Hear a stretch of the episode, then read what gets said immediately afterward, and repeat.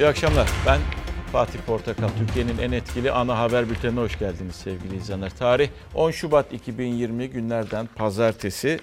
Çok e, önemli bir gelişme. Bu, bu öncesini de ilgilendiriyor, bugünü de ilgilendiriyor, bundan sonrasını da ilgilendirecek ve e, olaya baktığımızda, gelişmelere baktığımızda ister istemez şu aklınızdan geçiyor. Bunun sonu nereye varır? Bu olayın sonu nereye gidecek diye. Tabelada bu akşam bunun sonu. Peki hangi konudan bahsediyorum? E, gün içerisinde eğer haberleri izlediyseniz, internette eğer dolaştıysanız haberleri mutlaka göreceksinizdir. Suriye'deki İdlib e, olayı ve İdlib'de e, Esad güçlerinin e, gözlem noktalarına, Türk Silahlı Kuvvetleri'ne ait gözlem noktalarına saldırısı, topçu ateşinde bulunması ve tabii bunun sonrasında öğle saatlerinde gelişti bu e, olay. E, ve 5 şehitin haberi geldi. Ve 5 şehitin haberinin sonrasında yine bildiğimiz kadarıyla e, İktidar Partisi MKYK toplantısındaydı ve e, e, Savunma Bakanı Hulusi Akar hemen toplantıya çağrıldı. Orada Cumhurbaşkanı Recep Tayyip Erdoğan'la bir araya gelindi ve karşılıklı bir görüşme yapıldı. E, beş şehit haberi öyle saatlerinde bize ulaştı. Peki e, aslında rejimin Esad gücünün arkası Esad güçlerinin arkasında olan Esad'ın arkasında olan Rusya ile ilişkiler nasıl? Çünkü onlarla da bugün toplantı vardı. O toplantılarda sonuçsuz toplantı olarak tarihe geçecek ve bildiğimiz kadarıyla şu anda Rus heyet e, Cumhurbaşkanlığı sarayında İbrahim Kalın'la görüşüyor.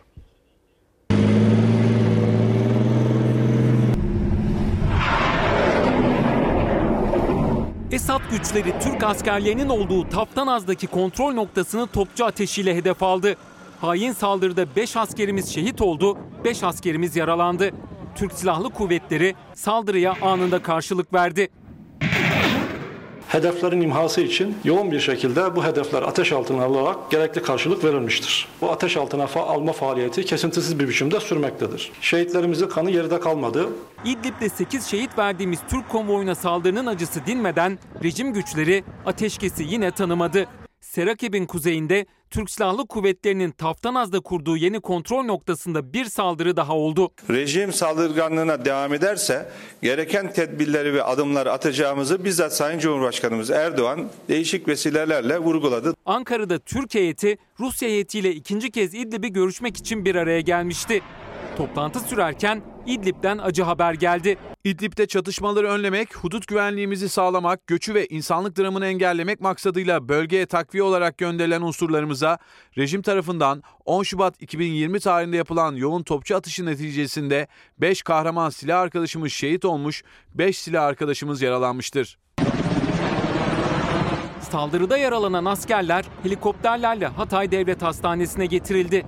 Taftanaz'a yapılan topçu ateşinin ardından Türk Silahlı Kuvvetleri saldırıya hemen yanıt verdi. Bölgede tespit edilen hedefler derhal ateş destek vasıtalarımızla yoğun şekilde ateş altına alınarak gerekli karşılık verilmiş, hedefler tahrip edilmiş ve şehitlerimizin kanı yerde bırakılmamıştır, bırakılmayacaktır. Silahlı kuvvetlerin bölgeye sevkiyatı da hız kazandı. Gece boyunca Türkiye'nin çeşitli noktalarından gelen füze rampası, tank ve paletli zırhlı personel taşıyıcılar İdlib'e hareket etti yüzlerce araç gözlem ve kontrol noktalarına yönlendirildi. Gerginliği azaltma bölgesinin statüsünün korunmasına Türkiye açık bir biçimde ve güçlü bir biçimde bağlıdır. Ankara'da Rus heyetle yapılan ikinci toplantıdansa sonuç çıkmadı. Amerika'nın Suriye özel temsilcisi James Jeffrey ise çarşamba günü İdlib'i konuşmak için Türkiye'ye gelecek. James Jeffrey Türkiye'ye gelecek. Çantasından neler çıkaracak? E, çünkü Amerika şimdi Amerika öyle davranıyor ki yani Türkiye'ye sanki destek verircesine veya Türkiye'nin sırtını sıvazlar e, sıvazlarcasına e, ve James Jeffrey'nin artık çok sık Türkiye'ye geldiğinde görüyoruz. Bu bu bu gelişinde acaba e, sürpriz bir şeyler çantasından çıkar mı? Türkiye'yi yanına alabilmek için veya Türkiye ile birlikte hareket edebilmek için. İşte bu arada tabii sorulması gereken soru neden Rusya e, Esad rejimine e, bu desteği veriyor? Çünkü Rusya olmadan e, Esad Esad'ın ordusunu bunu yapması mümkün değil. Yani yorgun bir ordu, eksik bir ordu, yıllardır savaşan bir ordu vesaire. Esad'ın güçlerinden bahsediyorum ama arkasında Rusya'da olduğunu biliyoruz ve Rusya buna izin vermese böyle olayların gelişmeyeceğini de biliyoruz aslında bakacak olursanız. Şimdi Ömer Çelik'in Ömer Çelik'in e, sözleri var. Hem e, rejime karşılık, Suriye yönetimine karşılık hem de Rusya'ya karşılık tabii sözleri var. Ee, Rusya'ya karşılık da işte gerginliğin azaltılması yönünde. Biz elimizden gelen her şeyi yapıyoruz ama sınırlarımızı da korumak zorundayız diye. Dışişleri Bakanı sözü ilginç. Rejim saldırganlığına devam ederse rejim saldırganlığının cesaretini Rusya'dan alıyor. Bu tespiti de aslında yapmak gerekiyor. Ee, 7 gün önce 8 şehit verilmişti ve bugün 5 şehit geldi. Toplam 13 şehit. Yani bir hafta içerisinde içerisinde 13 şehit verildi. İdlib'den 13 şehit haberi e, e, geldi ve bir yandan da tabii ki sevkiyat da devam ediyor ve öyle az buçuk bir sevkiyattan bahsetmiyoruz. Eğer görüntüleri de gördüğünüz arka arkaya geçen askeri e, e, araçları görüyorsunuz. Ama e, füze füze rampaları vesaire gibi şeyler de geçiyor oraya e, savaş malzemeleri. Ama burada kritik nokta şu Türkiye ancak helikopterleri ve uçakları kendi sınırında uçurabiliyor. Sınırın aşağı, aşağı tarafında güney tarafında bilebildiğimiz kadarıyla uçuramıyor. Rusya'dan e, ve Rusya'dan aslında o iznin gelmesi gerekiyor. Neticede e, Esad güçlerinin arkasında Rusya olduğunu biliyoruz. İşte o siyah çizginin e, aşağı tarafında, Aziz'in aşağı tarafına maalesef bildiğimiz kadarıyla e, bir e, uçak veya bir helikopter uçuşunun gerçekleşmediğini biliyoruz. Kapalı bir saha olarak ve önümüzdeki günler nasıl bir sonuç çıkacak veya bugün işte İbrahim Kalın şu akşam görüşüyor Rus heyetiyle bir çözüm olacak mı olmayacak mı? Ömer Çelik'i dinlediğimizde henüz daha çözüme ulaşmadığını veya bir e, çözüm geliştirilemediğini hemen tabii ki değil de bir çözüm üzerinde yoğunlaşılamadığını ifade ediyordu kendisi. Beş şehit haberi öyle saatlerinde geldi. Tabii ister istemez bir anda e, siyaset bunu konuşmaya başladı ama şu ana kadar görebildiğimiz kadarıyla şu ana kadar iktidarından muhalefetine kadar verilen ses tek. Gözlem sahalarımıza yaklaşan, manevra sahalarımıza yaklaşan belli bir ateş hattına giren rejim unsurları düşman unsur kabul ediliyor artık. Çünkü bu iki kere bu saldırganlığı gerçekleştiler. Düşman unsura ne yapılırsa Türk Silahlı Kuvvetleri rejim unsurlarına bu bahsettiğim alan içerisinde onu yapacaktır. Maalesef sahada her an bir sıcak çatışma için Evet arkadaşlar İldip'te topçu ateşi sonucunda 5 şehidimiz varmış. Şehitlerimize Allah'tan rahmet diliyoruz. CHP sözcüsü tam da İdlib'deki gerilimin altını çizerken bir notla iletildi 5 şehit haberi. Rejimin saldırısı sonrası Milli Savunma Bakanı Hulusi Akar AK Parti Genel Merkezi'ne gitti. Cumhurbaşkanı Erdoğan'la görüştü. Cumhurbaşkanımız yapılan gelişmeler üzerine ilgili kurumlara gerekli talimatları vermiştir. Türkiye İdlib'de tansiyonu düşürmeye çalıştıkça rejim gerilimi tırmandıracak hamleler yapıyor. Bir hafta önce 8 şehidin verildiği saldırıdan sonra bir kez daha Türk askerleri hedef alındı. 5 şehit haberi Ankara'ya yaklandırdı. Saldırıya misliyle mukabele edilmiş düşman hedefleri derhal ortadan kaldırılarak şehitlerimizin kanı yerde bırakılmamıştır. Bu hain saldırının talimatını veren savaş suçlusu yalnızca Türkiye'yi değil uluslararası toplumun tamamını hedef almıştır. AK Parti MKYK toplantısı sürerken geldi şehit haberi. Cumhurbaşkanlığı İletişim Başkanı Fahrettin Altun saldırı sadece Türkiye'yi değil uluslararası toplumun tümünü hedef almıştır açıklaması yaptı. Milli Savunma Bakanı Hulusi Akar da AK Parti Genel Merkezi'nde Cumhurbaşkanı Erdoğan'la bir araya geldi. Rejimin saldırısının detayları hakkında bilgi verdi. Şehitlerimizin kanı yerde kalmadı.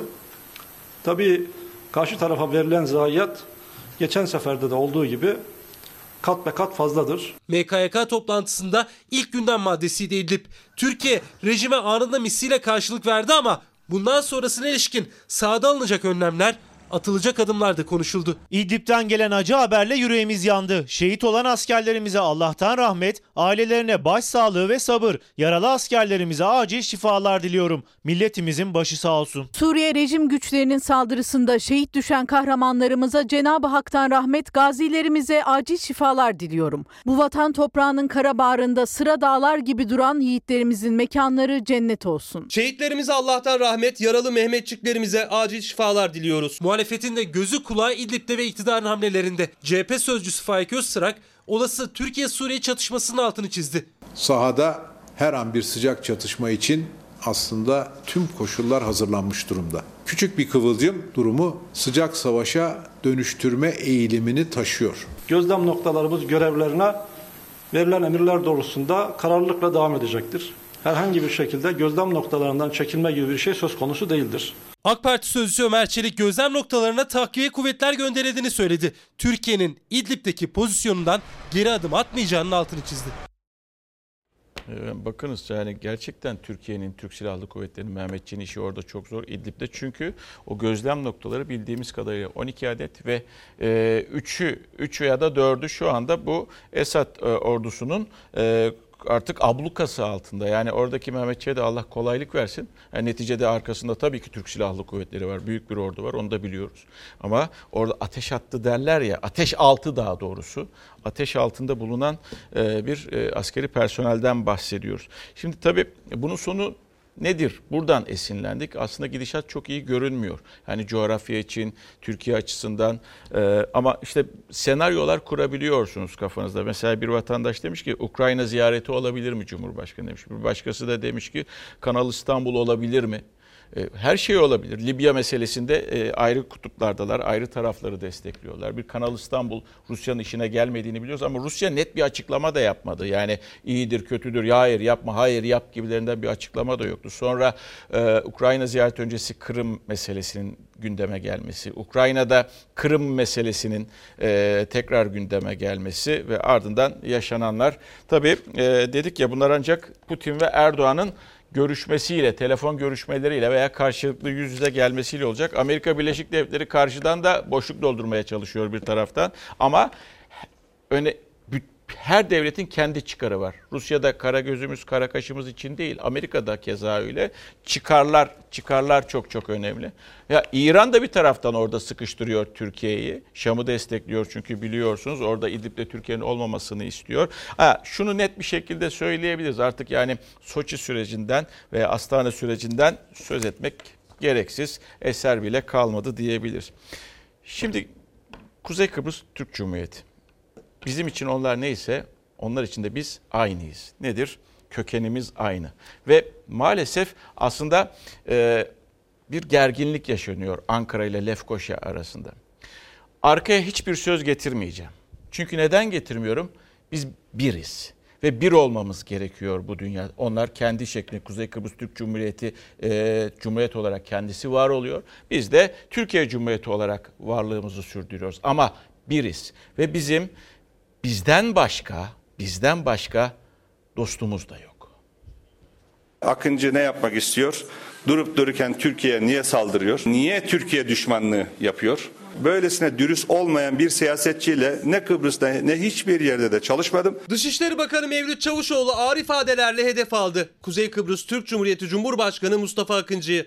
CHP'den de tepki yükseldi. Akıncı ise gerilimi tırmandıracak yeni cümleler kurdu. Kuzey Kıbrıs Türk Cumhuriyeti'nin Cumhurbaşkanı'nın sözleri büyük talihsizliktir ve son derece vahimdir. Kuzey Kıbrıs Türk Cumhuriyeti'nin ilhakından falan bahsetmeye başlarsanız bu kabul edilebilir bir husus değildir. Kıbrıs Türktür, Türk kalacaktır siyaseti 1950'lerin sloganıdır. Gerçek durumla ilişkisi yoktur.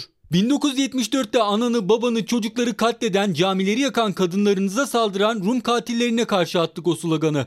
Lakin senin Rum olduğunu nereden bilelim? Yazık yazık. Binlerce Mehmet'imiz şehit oldu. Binlerce evladımız gazi. Sorumluluğum önce halkıma sonra vicdanıma başka bir yere değil. Yeniden Cumhurbaşkanı adaylığı için kampanya başlatan Kıbrıs Türk Cumhuriyeti Cumhurbaşkanı Mustafa Akıncı, Kıbrıs'ta çözüm için federal bir çatı altında yeniden birleşilmeli dedi. Kıbrıs'ın Türkiye'ye bağlanma ihtimali için de korkunç ifadesini kullandı. Ne Güney Kıbrıs'ın azınlığı olmak istiyoruz ne de Türkiye'ye sürekli bağımlı bir alt yönetim muamelesi görmek istiyoruz. Hiçbir Türk ve Kuzey Kıbrıs Türk Cumhuriyeti'nde de hiçbir Kıbrıs Türk'ü bir gün bir e, yavru vatan Kıbrıs e, Kuzey Kıbrıs Türk Cumhuriyeti'nden bir siyasetçinin Türkiye'yi malzeme yapacağını hiçbir zaman düşünmemiştir. Rüyasında da görse inanmaz. Özür dilemesi hatta istifa etmesi istenen Mustafa Akıncı sözlerimin arkasındayım dedi. Yeni günde Dışişleri Bakanı Çavuşoğlu Akıncı'ya sert tepki gösterdi. Biz Kıbrıs'ın Kıbrıs Türk halkının eşitliği diyoruz. O başka başka konuları malzeme ederek Türkiye'yi saldırmayı tercih ediyor. Kıbrıs Türk tarafının bağımlılığı, bağımlılık ilişkisi daha da bir artacak. Biz bunu istemiyoruz. Kuzey Kıbrıs Türk Cumhuriyeti'nin iç işlerine karışmamız mümkün değil. Kıbrıs Türk halkı karar verecek. Akıncı ne yapmak istiyor? Durup dururken Türkiye niye saldırıyor? 1974'te biz neredeysek bugün de oradayız. CHP de Kuzey Kıbrıs Türk Cumhuriyeti Cumhurbaşkanı'na tepkili. Akıncı'nın 1939 yılında referandumla Hatay'ın Türkiye'ye bağlanmasını kabul eden Hatay'ın ilk ve tek Cumhurbaşkanı Tayfur Sökmen'e gönderme yapmasına da ikinci bir Tayfur Sökmen olmayacağım sözlerine de. Sayın Sökmen Mustafa Kemal Atatürk'le birlikte Hatay davasını sonuçlandırmış kişidir. Seçim baskısı nedeniyle tarih bilincinden yoksun sarf edilmiş sözlerdir. Evet yani umarım çok fazla büyümez bu tartışma. Dedim ya biz onlar için ne ifade ediyorsak onlar bizim için aynı şeyi ifade ediyor. Çünkü biz etle tırnak ayrılması mümkün değil. Tabii ki Kuzey Kıbrıs Türk Cumhuriyeti kendi ayakları üzerinde e, durmalı. E, tabii ki Türkiye'ye bağımlılığı hiçbir zaman olmamalı veya en az seviyede olmalı. Ama bizim kardeşlik duygularımız var. Bizim akrabalık kan bağımız var. O yüzden birbirimizi incitmemeliyiz. O yüzden birbirimize destek olmalıyız. Geçmişimiz de bir, geleceğimiz de bir aslında. Umarım bu tartışma bir an önce biter. Ama haberi maalesef kaçınamıyorsunuz. Görmezden gelemiyorsunuz. Tıpkı bu haber gibi. Bunda da e, arkaya hiçbir şey yazdırmayacağım. Bir olmamız gereken bir haber bu da. Aslında tek ses olunması gereken bir haberden bahsediyoruz.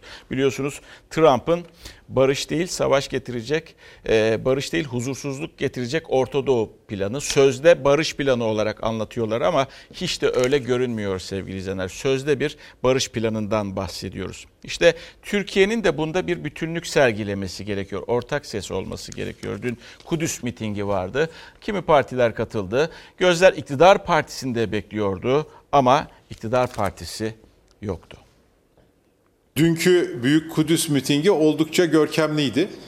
Tabii AK Parti ve Milliyetçi Hareket Partisi'nin bu mitinge katılmaması kendi tercihleri Biz kendi çalışmalarımızı yürütüyoruz. Muhalefet Amerika Başkanı Trump'ın Filistin planına karşı Büyük Kudüs mitinginde bir araya geldi. Davetli olmalarına rağmen AK Parti ve MHP o mitinge bir temsilci göndermedi. Keşke Sayın Cumhurbaşkanı da katılmış olsa ve hep beraber olmuş olsaydık. Cumhurbaşkanımız Birleşmiş Milletler'de yaptığı konuşmada Kudüs konusundaki tezleri çok uzun zamandır en güçlü şekilde e, dile getiriyor. Adaleti, hakkı ve hukuku inadına, inadına, inadına koruyacak ve savunacağız. 15 Temmuz darbe girişiminin ardından milli birlik ve beraberliğin sembolü oldu Yeni Kapı.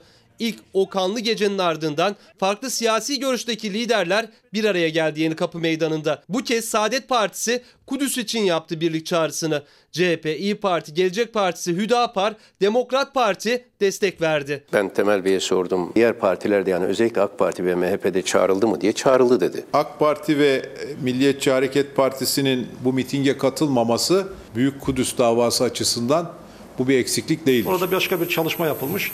O da katılılmış. Kudüs'e verilen her destek e, kıymetlidir. Ömer Çelik muhalefetin Büyük Kudüs mitingi kıymetli ama biz de kendi çalışmalarımızı yürütüyoruz dedi. AK Parti'nin mitinge katılmama gerekçesini açıklarken Davutoğlu da Millet İttifakı ile aynı karede yer almasının geleceğe dair bir işaret olmadığını açıkladı. Bu Millet İttifakı mitingi değildi. Bu Kudüs İttifakı diyelim.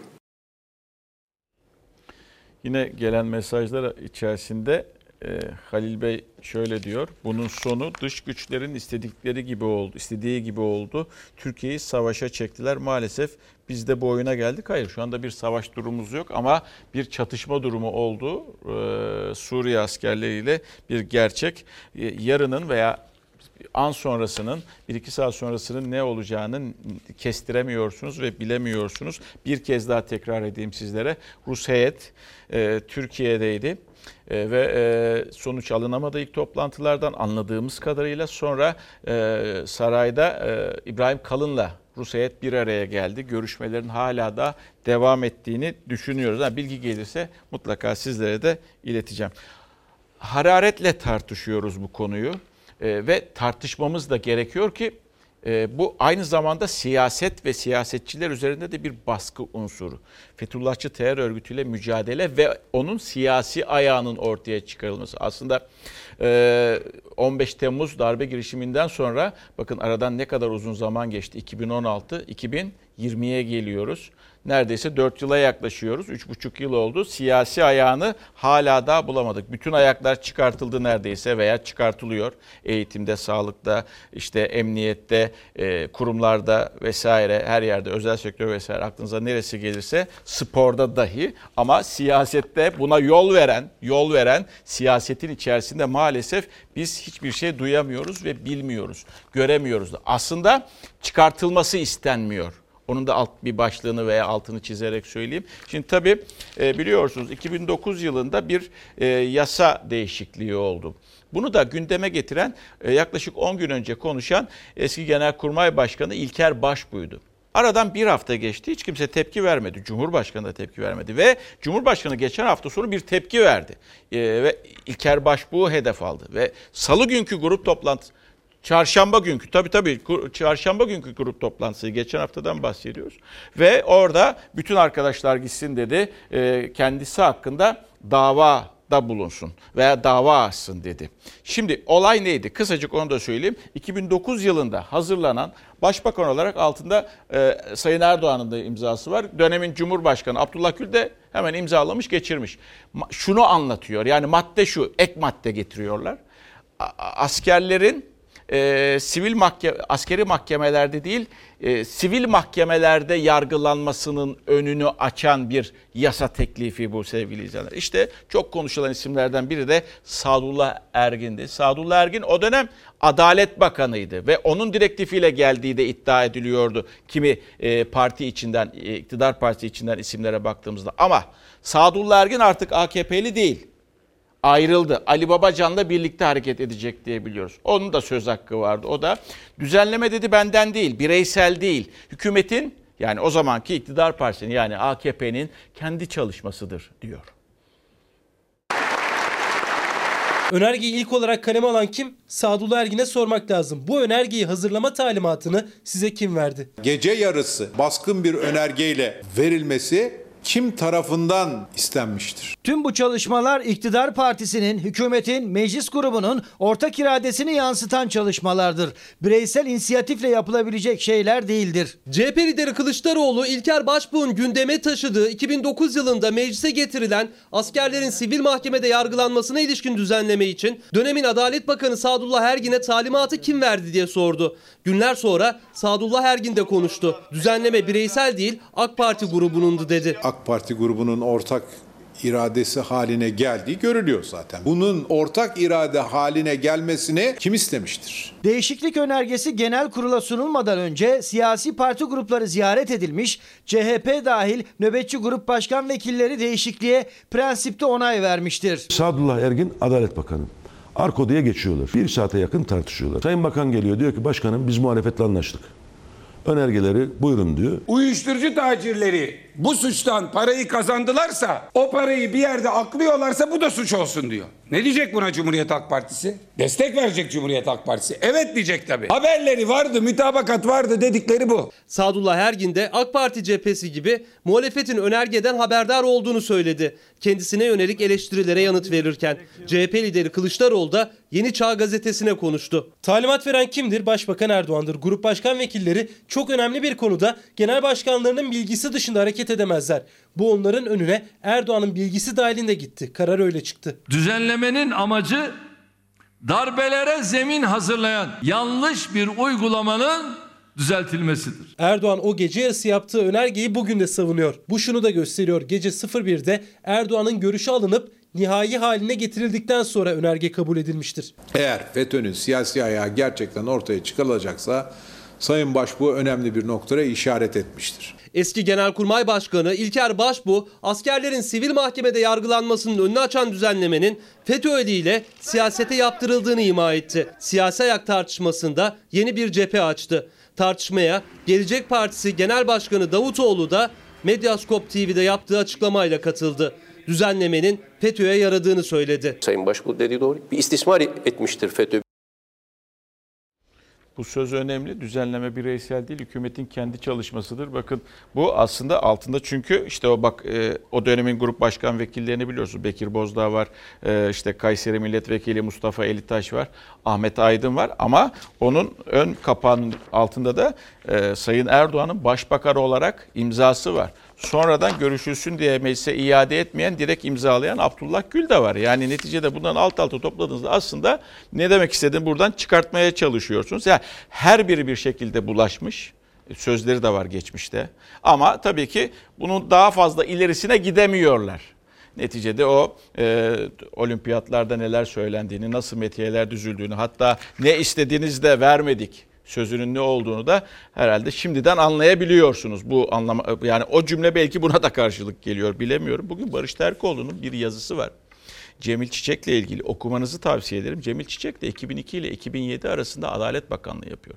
Ve e, terör örgütleriyle mücadele adı altında bir kanun çıkartmaya, yasa tasarısı hazırlıyor. Ama sadece silahlı değil, silahsız terör örgütlerini de silahsız kavramını da içine sokmaya çalışıyor. Ne var ki e, Cemil Çiçek'in hazırlamış olduğu bu yasa teklifi Adalet Bakanlığı döneminde e, parti içerisinde, iktidar partisi içerisinde yazarın iddiası o yönde engelleniyor ve sadece silahlı terör örgütü olarak geçiyor. Aslında Cemil Çiçek neticede yılların devlet adamı silahsız terör örgütü kavramının da yasa içerisinde geçmesini istemiş. Ama e, gördüğümüz kadarıyla Adalet Komisyonu'na geliyor. Adalet Komisyonu'nda bu yasa teklifi görüşülürken e, silahsız e, silahlı terör örgütü olarak yazılmasına karar veriliyor. Cemil Çiçek'in istemiş olduğu o bölüm çıkartılıyor sevgili izleyenler. O bölüme de bakmak gerek. O yıllara kadar gitmek gerekir belki de. O komisyonda kimler vardı? Kimler çıkartılmasını bu tabirin istediler? Bu e, Fethullah Gülen'e nasıl fayda kazandırdı? Hepsinin irdelenmesi gerekiyor. Cumhuriyet Gazetesi'nde bir bilgilendirici bir yazıydı. Okumanızı öneririm sizlere. Ve e, önemli bir isim aslında ne kadar farkındasınız değilsiniz bilmiyorum ama e, Türkiye gündemi bu ismi biliyor. Naci Şerifi Zindaş'tı. İddialar arasında işte uyuşturucu ticareti var, FETÖ ile ilişkisi olduğu iddia ediliyor, cinayetlerle ilgili e, ilişkisi olduğu iddia ediliyor ve e, geçmiş iktidar partisinden bir ismin de öne çıkmasına neden oluyor. Ve o isim de Burhan Kuzu eski AKP milletvekili. Acaba Burhan Kuzu ne diyecek diye bekliyorsunuz. Polisten bir koruma talebini Hayır olmadı. Tahliye ediliyor İstanbul'da. İşte o arabasına falan çıktı. Ve işte birileri tahliyede benim sanki dahlim varmış gibi. Tahliye kararı veren hakim C.Ö. bana üzerimde çok baskı var çok baskı yapıyorlar dedi. Nereden olduğunu sorduğunda Ankara'dan Burhan Kuzu sürekli arıyor şeklinde yanıtladı. Burhan Kuzu'nun avukatı en az 3-4 kez görüşmek istedi odama geldi. Kendisiyle görüşmek istemedim ama en sonunda çat kapı odama girmesi sebebiyle görüşmek zorunda kaldım. İranlı uyuşturucu baronu Firari Zindaşti'nin tahliyesi yeniden gündemde. HSK'nın o tahliye kararı ile ilgili görevlendirdiği müfettişler hakimleri savcıyı dinledi. Kim konuşsa Cumhurbaşkanı danışmanı Burhan Kuzu'yu işaret etti. Tahliye kararı veren hakim C.Ö. de Burhan Kuzu'nun kendisini aradığını söyledi. Burhan Kuzu'nun telefonla beni araması üzerine kendisinin dosyaya vakıf olduğunu fark ettim. Çok detaylı bir şekilde kendisi dosyayı anlattı. Bunun gereği yapılmalıdır. Uyuşturucu ticaretiyle de suçlanan Naci Şerifi Zindaşti cinayetten tutuklandı. Kısa bir süre sonra tahliye edildi. Tahliyeden 3 saat sonra da kararı itiraz edildi. Hakkında yakalama kararı çıkartıldı ama Zindaş'tı sıra kadem bastı. Tanıdığımız bazı arkadaşlar bizi aradılar dediler ki ya böyle bir e, iş adam var onu sana bir gönderelim bir sıkıntısı var. Burak Kuzu daha önce hakimlere tahliye yönünde baskı yaptığı iddiasını yalanlamıştı ama HSK'nın konuyla ilgili görevlendirdiği müfettişlerin raporundaki ifadelerle Kuzu bir kez daha tartışmanın odağında.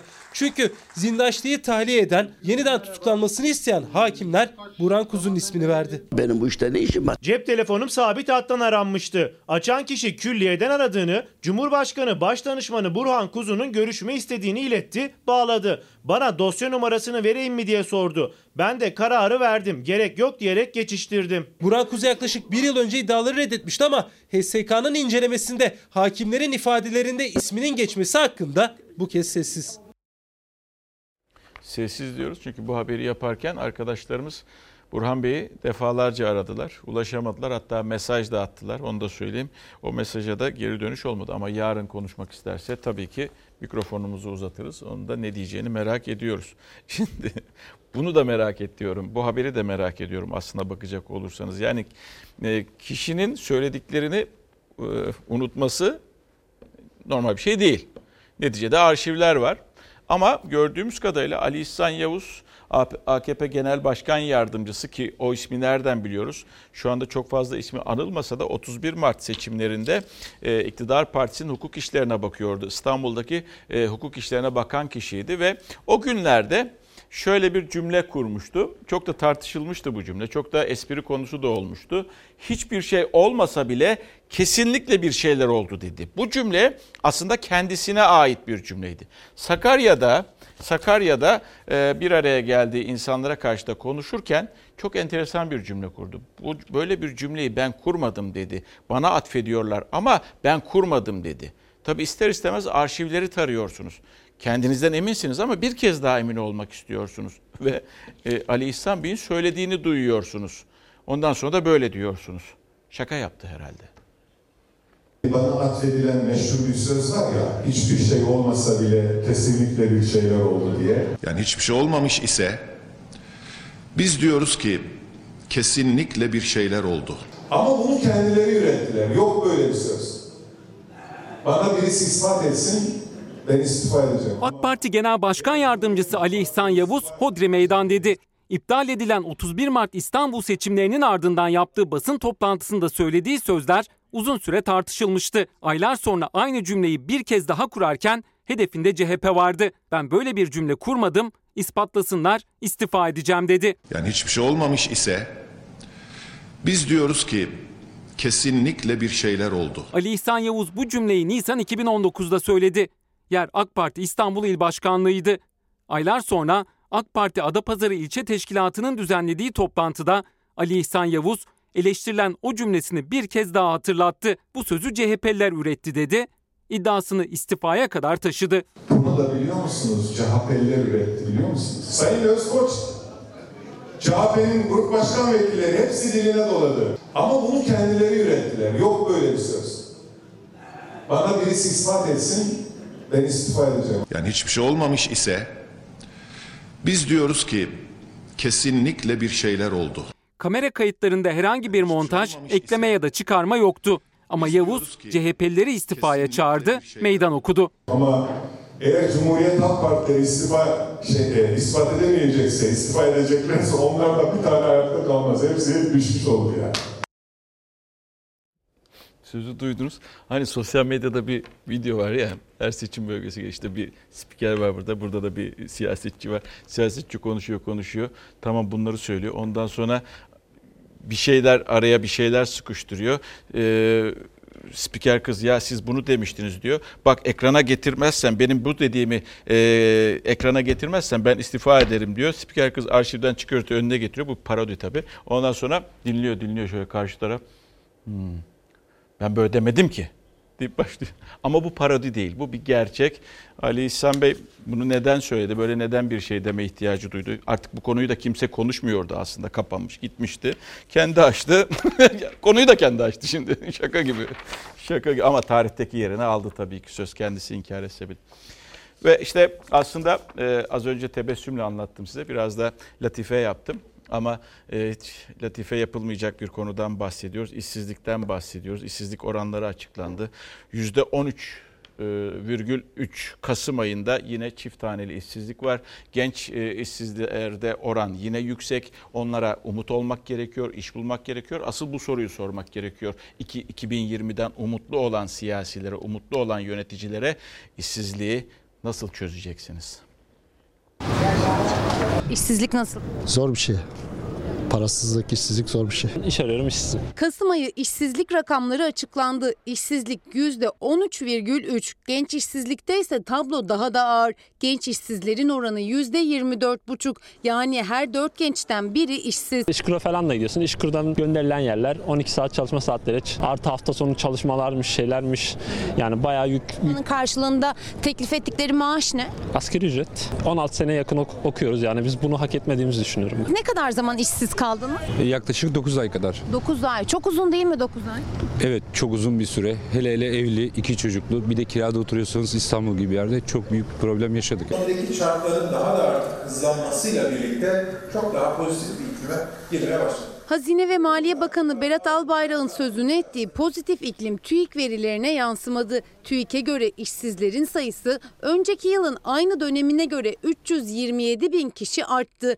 4 milyon 308 bin kişiye çıktı. Mayıs 2018'den beri yani tam 19 aydır çift haneli işsizlik oranı. Derinlemesine baktığımızda bu işsizlik nereden geliyor diye tabii ki önemli kıstaslardan birisi istihdam. Totalde istihdam yıllık olarak bakıldığında 145 bin azalmış durumda. İstihdamı aşağı çeken sektörlerden biri inşaat. Eldeki konutlar satılamadı, inşaatlar durdu, sektör daraldı ve çalışanlar işsiz kaldı. Bir diğer sektörse tarım. Geliri giderini karşılamayan üretici üretmekten vazgeçti. İnşaatta bakıldığı zaman 2 sene öncesiyle kıyasladığımızda 600 binlik bir düşüş olduğunu görüyoruz. Dolayısıyla aslında inşaatta geriye doğru bir gidiş olduğunu söyleyebiliriz. Tarımda da yine 2 sene öncesiyle kıyasladığımızda yaklaşık eksi 400 binlik bir düşüş var. İş bulma süresi de uzuyor. Özellikle de asgari ücretle çalışmaya mecbur olanlar için bir yıl hatta daha üstüne bile çıkabiliyor. Bir satış pozisyonda iş arıyorsanız eğer e, biraz daha uzun sürebilir. Ama bir bilişim sektöründe örneğin bir yazılımcıysanız çok kısa sürede iş bulabilirsiniz. Aslında sanayi istihdamında artış var ama o artış işsizliği düşürmeye yetmiyor.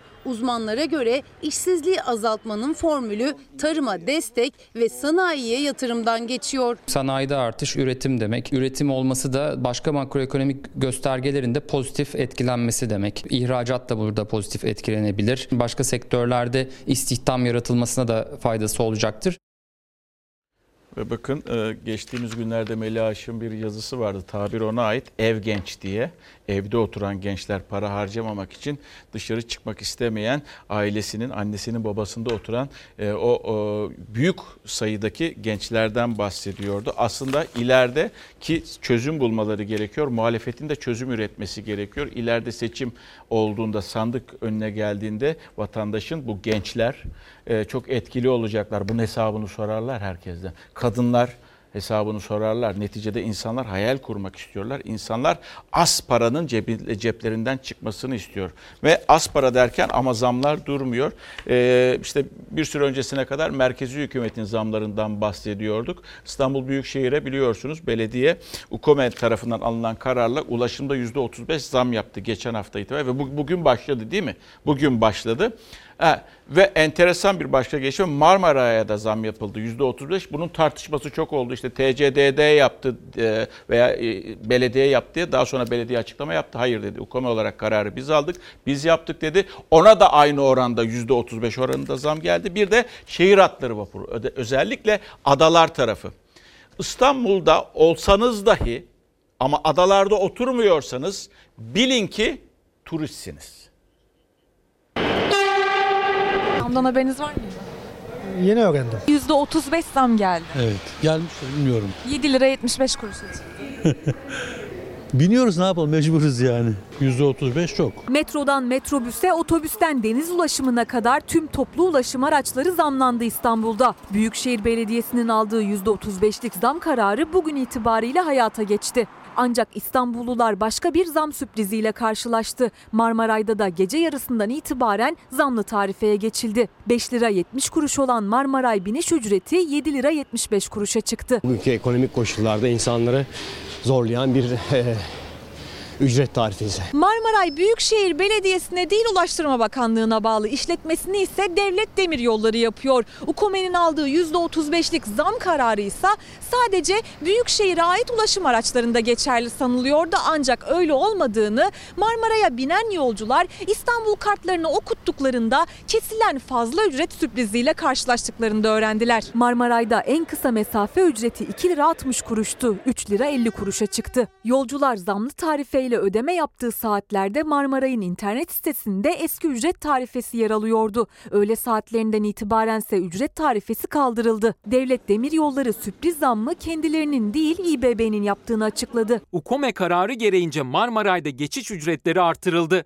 Bu konuda Türkiye Cumhuriyeti Devlet Demiryolları'nın herhangi bir yetkisi yoktur. UKOME kararı uygulandı. TCD de sadece işletmeyi yapıyor. Sonuçta asgari ücrete oranlı olması lazım bütün zamlar. Asgari ücrete %15 zam gelirken Çok çok fazla. Ben daha hayatımda görmedim ki %35'lik zam. Günde kaç lira tutar bir 3 kişi? 3 sefer git, 3 sefer gel, 6 sefer olacak. Kaç lira tutacak? Nasıl ödeyecek insanlar? Ulaşımda yapılan en büyük artış şehir hatlarında oldu. Adalara giden vapurlarda tam ücret tarifesi 5 lira 20 kuruştan 10 liraya çıktı. Öğretmenlere uygulanan indirimli ücret %300'ün üzerinde artarken öğrencilerin indirimli ücreti %400'ün üzerinde zamlandı. Ben öğrenciyim ve yetişmiyor yani. Sürekli her şeye zam geliyor. Artık bunlardan çok sıkıldık. Alt tarafı bir yerden bir yere gidiyoruz ama yani bu para çok fazla değil mi?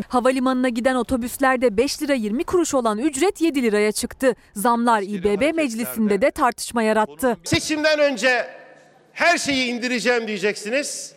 Seçimden sonra her şeyi bindireceksiniz. Her şey güzel olacak diyeceksiniz. Her şey zamlı olacağı çevireceksiniz. Sayın Cumhurbaşkanı'nın ifadesi var. Sizin genel başkanınızın. Türkiye ekonomisinin sorumlusu benim demişti. Akaryakıt fiyatları artmış. Elektrik fiyatları artmış. Ne yapsaydı İstanbul Büyükşehir Belediyesi? Bakın genel iktidarda olsa, merkezi yönetimde olsa, belediyelerde olsa maalesef zam yapıyorlar ve gidişat da bu yönde. Zam yapılması yönünde açıklar bir şekilde e, kapatılması gerekiyor ama insafsızca zam yapıyorsunuz. Gerçekten o genç arkadaşın dediği gibi insafsızca zam yapıyorsunuz ve İBB'nin açıklamasına baktığınızda İstanbul'da yaşayıp da kendinizi adalara giderken turist olarak görüyorsunuz, hissediyorsunuz. Size o intibayı veriyor. Bizler bu zamlarla yaşamak zorunda mıyız?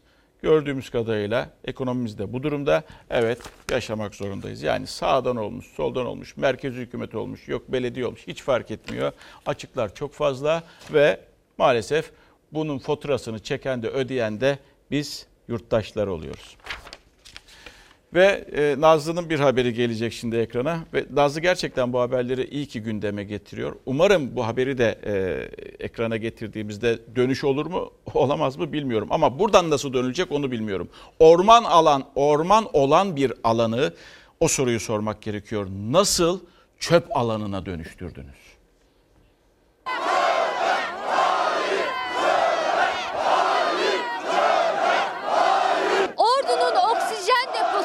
Deposu tepelerinden birinde İlküvez mahallesindeyiz ve burada bölge halkı bir aydır eylemde gece gündüz nöbette. Çünkü doğa harikası yaylalarına çöp depolama alanı yapıldı. Bir aydır burada yatıyorum ben. 85 yaşındayım.